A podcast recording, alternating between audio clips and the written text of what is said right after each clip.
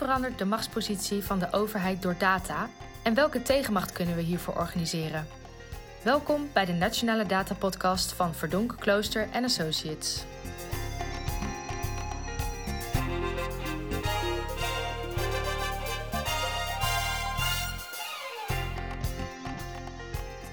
Bij de Nationale Data Podcast. De podcast met inspirerende gasten en inzichten over het gebruik van data, algoritmes en artificial intelligence in de publieke sector.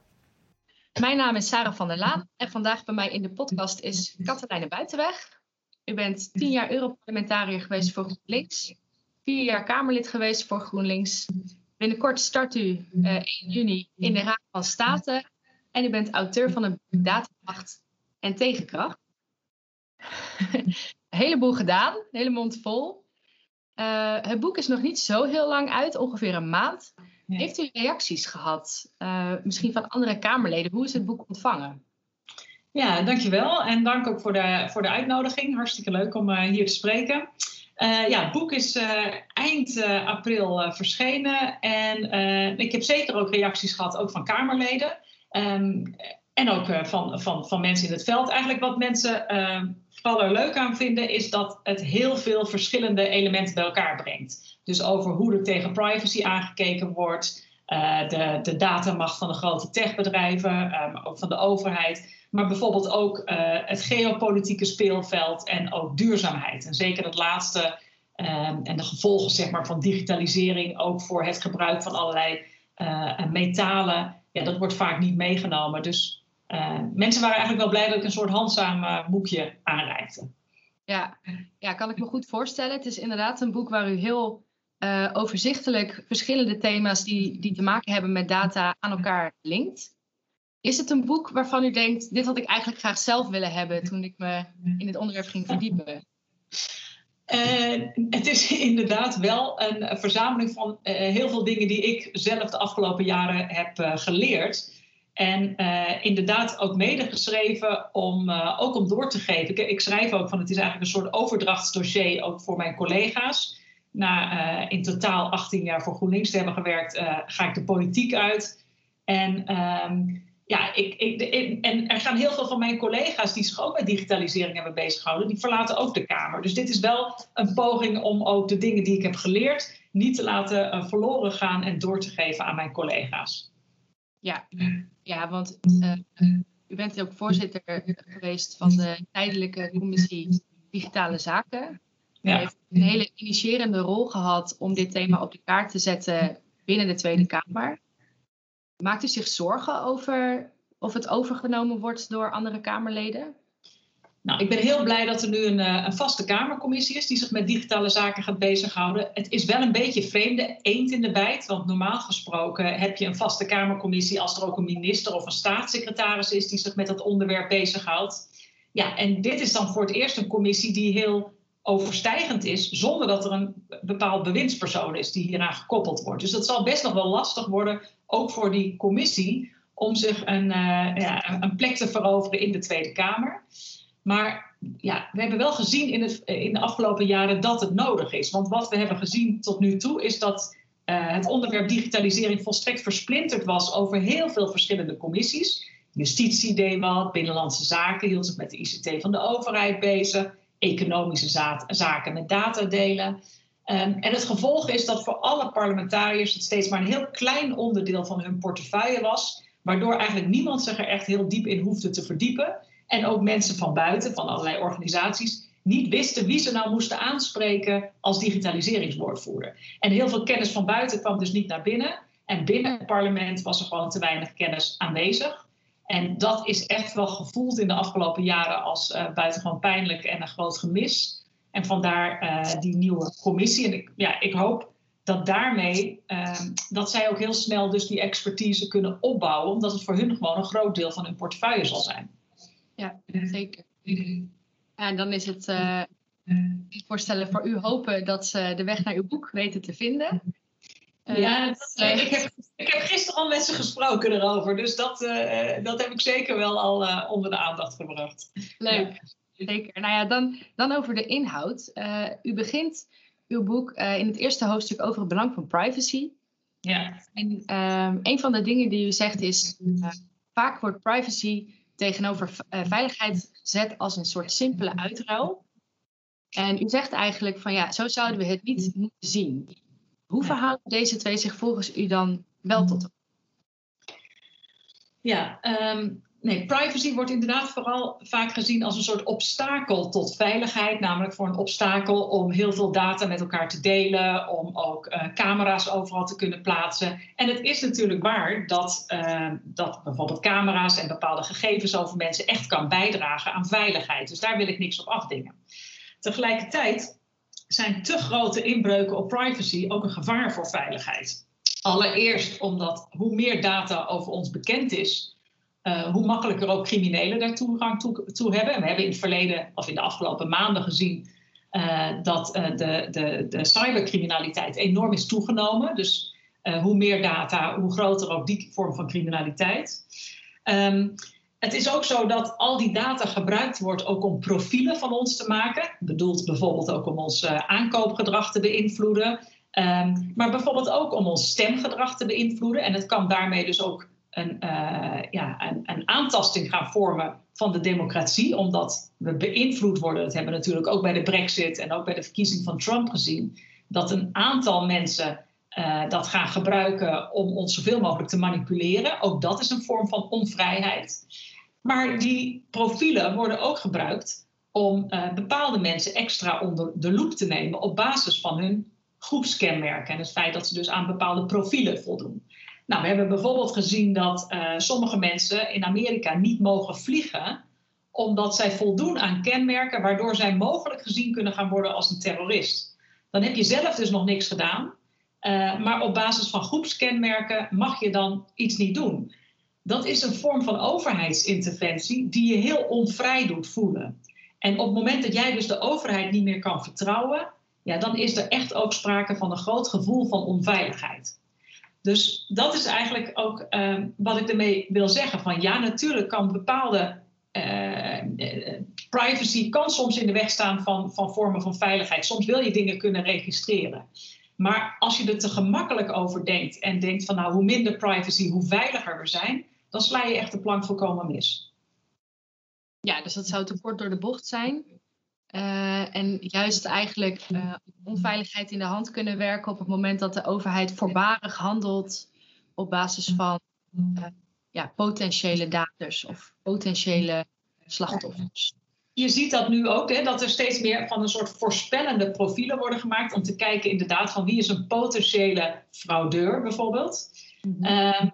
ja, vervolgens gaat de overheid dat heel erg nauwkeurig onderzoeken, maar je kan je wel voorstellen dat dat ehm, uh, ook heel erg oneerlijk uh, kan voelen. En het kan ook discriminatie in de hand leiden. Zoals, uh, in de hand, hoe moet je dat zeggen? Het kan ook discriminatie in de hand werken. Ja. Um, zoals we bijvoorbeeld hebben gezien bij de toeslagenaffaire. En dat is ook echt onveiligheid. Ja, en in uw boek heeft u het dan over een zichzelf versterkende feedbackloop. op dit punt, op het moment dat de overheid een, een voorspellende overheid wordt, kan dat ook ondervangen worden? Nou ja, wat het, wat het eh, dat, dat kan natuurlijk wel deels ondervangen worden. Maar wat het probleem is inderdaad bij zo'n feedback loop, is dat je, uh, nou dan wordt er eerst een bepaalde groep mensen gezien als van, nou ja, dat is bijvoorbeeld een potentiële fraudeur. Dan worden die mensen nauwkeurig onderzocht. Dat is overigens uh, onderzoek van uh, Victoria Eubank laat zien dat dat vooral mensen aan de onderkant van de samenleving zijn omdat juist uh, mensen die ook al veel in contact zijn geweest met de overheid, bijvoorbeeld omdat ze financiële steun nodig hebben, daarover is meer data beschikbaar bij de overheid. En uh, ja, daarom komen zij ook al sneller in beeld dan mensen over wie bijna geen data beschikbaar is. Nou, op het moment dat jij dan voldoet aan een plaatje dat je een potentiële fraudeur bent, dan zegt dat natuurlijk nog niks, want ze gaan het nauwkeurig onderzoeken. Maar ja, als jouw financiën helemaal nauwkeurig worden onderzocht, is de kans dat er iets gevonden wordt natuurlijk wel groter dan bij de mensen die niet nauwkeurig onderzocht worden. Als daar vervolgens iets gevonden wordt, ja, dan zegt dat algoritme, ha, daar zit dus een probleem. Dus dan wordt het zelfversterkend dat we bij die groep vaker dingen moeten gaan onderzoeken. Nou, en zo kan er een grotere tweedeling komen, dat juist bij die mensen steeds meer onderzocht wordt, steeds vaker iets gevonden wordt, de overheid er sterker bovenop zit. Terwijl de mensen ehm, vaker dan aan de bovenkant van de samenleving, minder nauwkeurig onderzocht wordt en ook uh, ja, makkelijker weg kunnen komen met mogelijk frauduleus gedrag. Kan dat ondervangen worden? dat kan in principe wel ondervangen worden door heel ehm, door echt heel zorgvuldig om te gaan met welke data je gebruikt en hoe het algoritme in elkaar zit. Maar ja, zo'n zelfversterkend effect, zo'n feedback loop, dat vraagt wel dat je elke keer weer opnieuw moet kijken naar die data en naar hoe het algoritme werkt. En dat je dat ook echt goed in beeld moet hebben. Ja, dus echt scherp zijn op welke data gebruik je van wie en is dat nog in balans of representatief voor de werkelijkheid zonder daarvoor ingenomen in te zijn. Ja, en zeker als je ook sprake hebt van een soort uh, zelflerende algoritmes, is het wel, uh, dan begint het wel tricky te worden. Want je moet wel zorgen dat je blijft zien hoe het algoritme tot een besluit komt. En je moet altijd zorgen dat dat, dat besluit echt niet het eindbesluit is. Want een algoritme mag uiteindelijk niet tot grote conclusies komen. Dat zal toch altijd een, een mens moeten doen. Ja. Um, is natuurlijk heeft, of ja, het, het kern, de kernboodschap van uw boek, als ik het begrepen heb, is dat door die dataverzameling van overheid, ook bedrijven, bespreekt u ook, uh, zij een grotere machtspositie krijgen ten opzichte van burgers. En dat we moeten zorgen dat er een, een tegenmacht is, waardoor die machtspositie niet te groot wordt. Um, zou het ook kunnen, zoals u, wat u net beschrijft over um, de data die, die, die beschikbaar is over burgers of die bekend is, um, en de algoritmen die beschreven worden om bepaalde beslissingen te maken, dat dat eigenlijk juist een heel transparante manier zou zijn van, uh, van werken. Misschien zelfs transparanter dan wanneer uh, een professional een afweging maakt op bijvoorbeeld onderbuik ja, nou, dat is een belangrijk uh, punt. Wat ik inderdaad, laat ik eerst zeggen, inderdaad, de crux van mijn boek is inderdaad dat er sprake is van machtsverschuiving. En dat we dat dus ook goed moeten bekijken door digitalisering. Dat leidt er op dit moment toe dat de grote techbedrijven meer macht krijgen. Het leidt er ook toe dat werkgevers steeds meer zicht krijgen op wat hun werknemers doen. Niet alleen op het werk, vaak ook daarbuiten. Een soort 24 uurs meting van de werknemer. Het leidt er zeker ook toe dat overheden meer controle uitoefenen en kunnen uitoefenen over burgers, terwijl de besluitvorming van de overheid juist minder transparant wordt. Dus er is sprake inderdaad van een verschuiving van macht.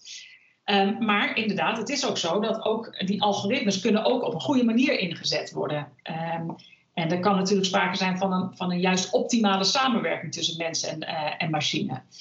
Um, wat jij zegt is over zijn die algoritmes kunnen die niet juist objectiever zijn dan mensen. Dat is mogelijk. Uh, en dat is ook het College voor de Rechten van de Mens, die zegt dat ook. Dat bijvoorbeeld bij werving en selectie kunnen algoritmes ook een belangrijke rol spelen. Omdat mensen natuurlijk ook allemaal vooroordelen hebben. En dat hopen we vaak van onszelf van niet, maar dat is echt waar. Iedereen heeft vooroordelen. Um, en dat heeft ook gevolgen voor hoe je de besluitvorming neemt. Maar het punt is dus dat algoritmes zijn vaak niet zo objectief als we denken. Want die algoritmes die worden gevoed met data die per definitie uh, ook een vooroordeel hebben. Um, en er zitten vaak historische vooroordelen in. Laat ik het voorbeeld nemen van een gemeente die um, een algoritme maakt om te beoordelen welke uitkeringsgerechtigde makkelijker kan uitstromen naar werk. Nou, dan wordt er vervolgens allerlei data gevoed in dat algoritme van mensen die in het verleden allemaal uh, makkelijker uitstromen naar werk. Dat is per definitie oude data. En een vrouw met een hoofddoekje met heel veel ambitie, die zal toch niet op dat moment naar voren komen, omdat op basis van de historische data blijkt uh, dat zij minder kans heeft. Ja. Een nog duidelijker voorbeeld is uh, van Amazon, die natuurlijk bij het eigen bedrijf ook gebruik wilde maken van algoritmes om ja, eigenlijk te zorgen dat zij uh, de werving en selectie, dat het allemaal wat sneller verliep. En zij voerde dat algoritme met allerlei cv's van het verleden en de, en, en de mensen die uiteindelijk aangenomen zijn. En na een paar maanden nam het algoritme feilloos alleen mannen aan. En dat was omdat, ja, historisch waren het eigenlijk vooral mannen die aangenomen werden. En via een zelfversterkend uh, zelflerend vermogen van het algoritme, werd dat verder verfijnd en kwamen er alleen mannen bovendrijven. Dus dat laat zien dat een algoritme is niet neutraal. Maar het punt is wel dat wij vaak denken dat het neutraal is. We hebben een waanzinnig vertrouwen in data en in algoritmes. Dus um, het kan een, uh, helpen. Dus het kan het, meest optimale zou zijn als je ook gebruik maakt van algoritmes. Maar dat je ook die menselijke blik houdt. En daarvoor is wel nodig dat we afleren dat algoritmes uh, objectiever zijn dan wij.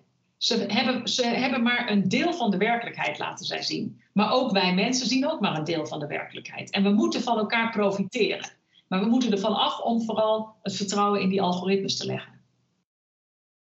Zou ik het goed uh, zeggen als uh, eigenlijk in de data en algoritme onze eigen vooroordelen expliciet worden? Ja, die zitten daar inderdaad in, dat klopt. Ja. Um, als ik dan voortborduur op het, op het eerste nou, het is niet alleen je voor, het is niet alleen, dus, uh, het is je vooroordelen zitten erin. Um, maar ook, uh, het is, nou dat, ik had het eerder over Victoria Eubanks en, die, en dat sociale ongelijkheid. Zij heeft ook onderzoek gedaan naar, nou ja, naar, naar bijvoorbeeld kindermisbruik. En dan waren in Amerika een aantal organisaties die hadden een algoritme ontwikkeld om te kijken wanneer kindermisbruik vooral ergens voorkwam. En dat hadden ze gevoed met data die aanwezig was. Dat was dus vooral data van mensen die een beroep op de overheid hadden gedaan. En dat was dus data vooral van armere mensen. Nou, na verloop van tijd was dat algoritme feilloos dat het alleen maar uh, uh, kindermisbruik spotte in arme gezinnen. En dat is natuurlijk waar je. Uh, dus in dit geval was het niet eens zozeer dat er een vooroordeel was, als wel dat de data die voorhanden was selectief was. Ja, dus dan zit de uitdaging hem daarin om dat zo eerlijk mogelijk te organiseren. en als ik u goed gehoord heb, die samenwerking tussen mensen en machine, daar schort soms ook nog wel het een en ander aan. Ja. in uw boek zegt u dan of de professional moet versterkt worden. Om te zorgen dat uh, besluiten van algoritmes of adviezen van algoritmes niet klakkeloos opgevolgd worden. Ja. Hoe zouden we dit goed kunnen organiseren? Nou, wat je nu ziet is dat algoritmes vaak worden ingezet uh, of dat er overgegaan wordt tot systemen, eigenlijk in het kader van bezuinigen uh, op professionals, dus minder uh, gemeenteambtenaren of minder jeugdwerkers. en ook vanuit het idee dat zo'n algoritme dat objectiever kan. We zagen bijvoorbeeld in Dordrecht, was er ook een algoritme, werd gebruikt ook om schoolverlaters goed te identificeren. Nou, dan is er op een gegeven moment dat algoritme wijst aan van welk, welke jongere eigenlijk potentieel de grootste kans heeft om een schoolverlater te zijn. Um, en dat is dan als iemand een keer gespijbeld heeft, nou, dan moet er gekeken worden van is dat een keertje of, of moet hier echt wat meer, moeten we hier wat meer werk van maken dan is de leerplichtambtenaar die daarover vertelde in de Groene Amsterdammer, die zei van ja, ik weet eigenlijk niet op basis waarvan dit algoritme zegt welke leerling nou echt een grote kans heeft om schoolverlaten te zijn en welke gewoon een dagje heeft gespijbeld. Soms is het zo dat het algoritme iemand aanwijst ja, waarvan ik denk, die heeft gewoon een dagje is niet geweest, maar ik volg dan toch het algoritme en ik ga met alle toeters en bellen de straat in naar die ouders om hier aan de bel te trekken. Hierbij is dan sprake van een professional die eigenlijk een hele andere afweging maakt, maar die, en die niet weet op basis waarvan het algoritme tot een oordeel komt, en toch handelt op basis van de uitkomst van dat algoritme. En wat we daarvoor moeten doen is, nou ja, en dat algoritme zou openbaar moeten zijn, dat zou transparant moeten zijn, maar die professional, we zouden ook, nou, die ook trainingen uh, moeten kunnen bieden over ja, om duidelijk te maken dat ook zo'n algoritme ook maar een oordeel is en niet per se objectiever. En, dat, uh, en een professional zal ook moeten kunnen werken in een omgeving waar het professionele oordeel ook vertrouwd wordt. Nu is er toch vaak wantrouwen tegen professionals. Of als zij dan, stel je voor dat je afwijkt van een algoritme. En uiteindelijk had je ongelijk. Ehm, mensen voelen zich vaak niet veilig om dat te doen, omdat ze bang zijn dat ze dan daar maatregelen tegen hun genomen wordt. En omdat zowel zij als hun baas ook denken, ja, die, die machine zal wel gelijk hebben. Dus ik denk dat het hier heel erg van belang is om goed training te geven. Ehm, mensen ja, ook te versterken in hun professionaliteit en ook wat meer vertrouwen en verantwoordelijkheid te geven. Ja, dus de professional eigenlijk weer op een, op een stuk plaatsen en de, het algoritme dat daar ondersteunend uh, adviezen in geeft? Nou, voetstukken ben ik nooit van. Uh, want dat is bijna alsof uh, een algoritme, een professional kan natuurlijk er ook valikant naast zitten. Het gaat er vooral om dat we niet algoritmes moeten inzetten als een soort vervanging van professionals. Waarbij we denken dat zij beter functioneren dan die professionals. We moeten investeren, denk ik, in de, in de professionaliteit van bijvoorbeeld de jeugdwerkers. Um, en tegelijkertijd zorgen dat zij zo optimaal mogelijk gebruik kunnen maken van de digitaliseringsmogelijkheden die er zijn. Maar dat is dus en eng. En wat er nu vaak gebeurt is ja, dat, het in, dat die algoritmes worden ingezet als een bezuiniging. Dat is volgens mij uh, een problematische weg. Ja. Uh, uit uw boek blijkt dat u uh, kritisch bent op het hele sterke techno-optimisme. Dus met ja, het grote vertrouwen dat we met elkaar in de technologie hebben.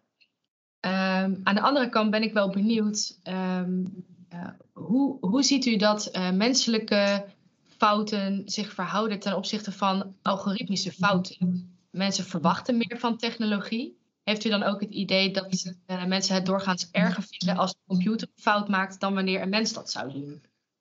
Ja, maar het grappige is dat zij eigenlijk, um, als er een fout gaat door de computer, of als een algoritme niet werkt zoals mensen verwachten, dan wordt vaak de conclusie getrokken dat het nog eventjes beter geperfectioneerd moet worden. Maar dat er op zich niks mis is met een algoritmisch systeem. Dat zagen we bijvoorbeeld, uh, gemeentes hebben ook uh, algoritmes gebruikt om uh, te kunnen beoordelen wie potentieel slachtoffer of dader is van kindermishandeling of van, of van um, geweld achter de voordeur.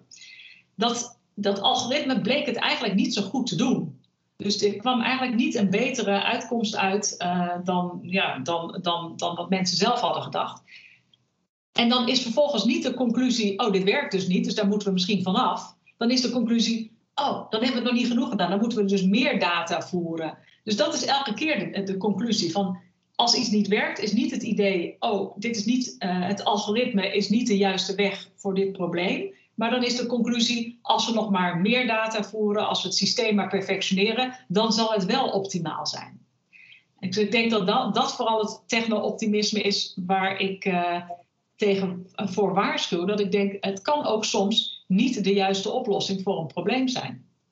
Ja, dat niet alles in data te vangen is of in algoritme te vangen is. Nee, dat voor sommige dingen kan het een, goed, uh, een goede uh, toevoeging zijn. Want ik ben ook niet techno uh, pessimistisch. Ik denk dat uh, digitalisering op heel veel vlakken van belang is. Bijvoorbeeld ook voor duurzaamheid. Weet je, en, en ik denk dat het, nou, internet is natuurlijk een geweldige uitvinding. Ook het in contact zijn. Ik zeg ook steeds van, juist ook bijvoorbeeld voor de vrouwenbeweging, me too. Weet je, ik ben helemaal niet negatief dat ik denk, vroeger was alles beter.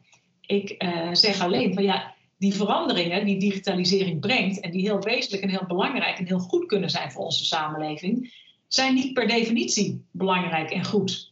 En we laten dat een beetje op zijn beloop, terwijl als we dat te lang, en zoals we nu ook doen, te lang op zijn beloop laten, dan leidt het uiteindelijk tot een samenleving die minder vrij is, die minder democratisch is, die een aantal mensen vooral goed bedient. Die leidt tot sociale ongelijkheid. Dus laten we daar gewoon veel alerter op zijn daar vorm aan geven en genieten dan van de digitalisering en de voordelen die het kan bieden. Ja, technologie moet een middel blijven en geen doel op zich worden.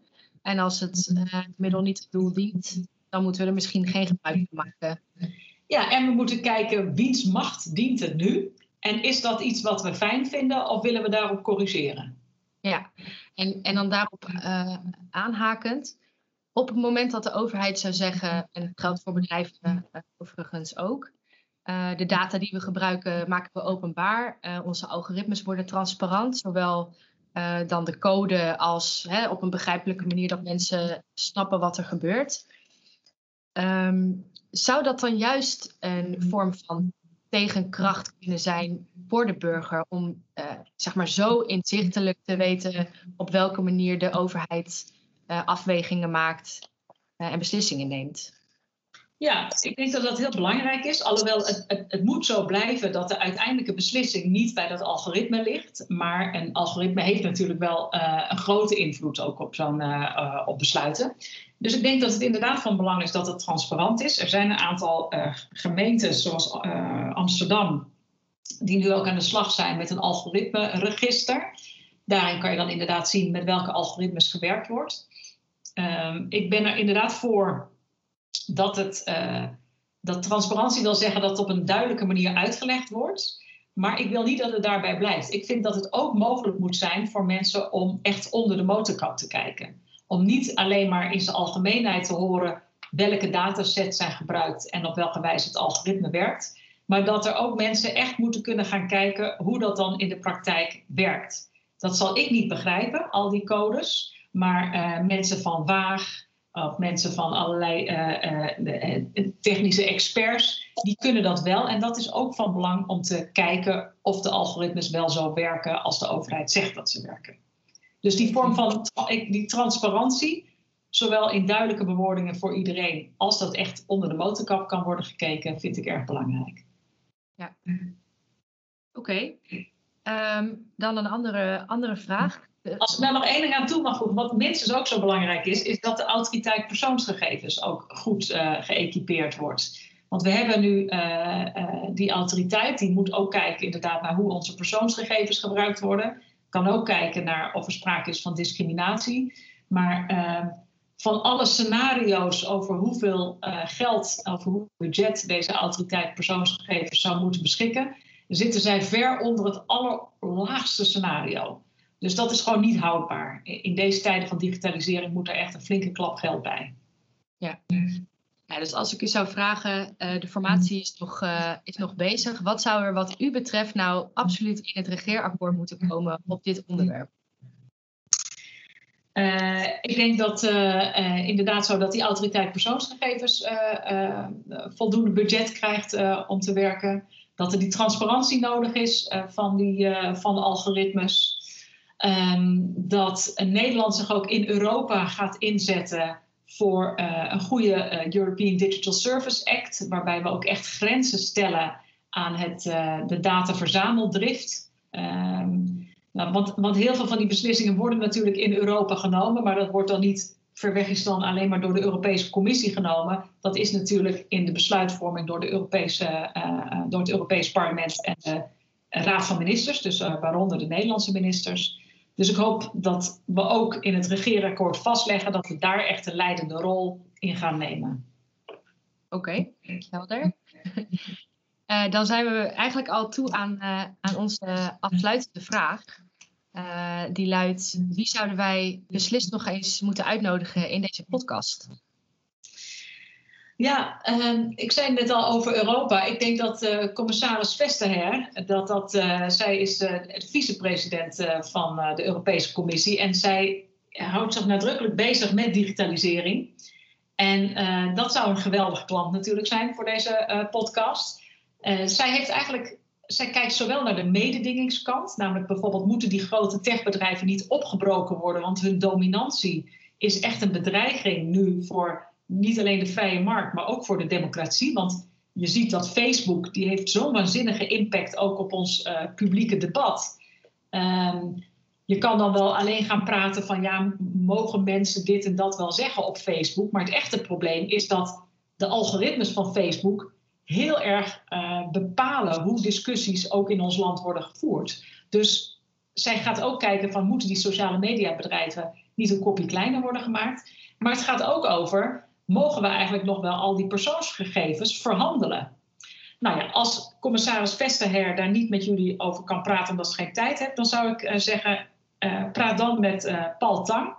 Hij is Euro, Europarlementariër voor de PvdA en houdt zich namens het Europees Parlement bijvoorbeeld hiermee bezig, met de handel in persoonsgegevens. En het Europees Parlement heeft gezegd, er moet echt een einde komen aan, die ja, eigenlijk aan de handel in die gepersonaliseerde advertenties. Al die gepersonaliseerde advertenties moeten niet kunnen, want daarmee maken we van iedereen profielen en dwingen we ze steeds verder in een bepaalde bubbel. En dat is een gevaar ook voor onze democratie. Nou, misschien is het leuk om met hem te gaan praten over deze belangrijke Europese wetgeving die in de komende jaren gemaakt zal gaan worden. Goede suggesties, dankjewel. Um, nou, dan wil ik je eigenlijk hartelijk bedanken voor uh, deelname aan de podcast. Dat je over je boek wilde vertellen. En ook eigenlijk voor je inzet in de afgelopen jaren op dit thema. Uh, een van de eerste en weinige Kamerleden die ja, zich hierin vastgebeten heeft. Uh, terwijl het zo belangrijk is. Dus heel erg bedankt daarvoor. Heel graag gedaan en dank dat ik hier aanwezig kon zijn.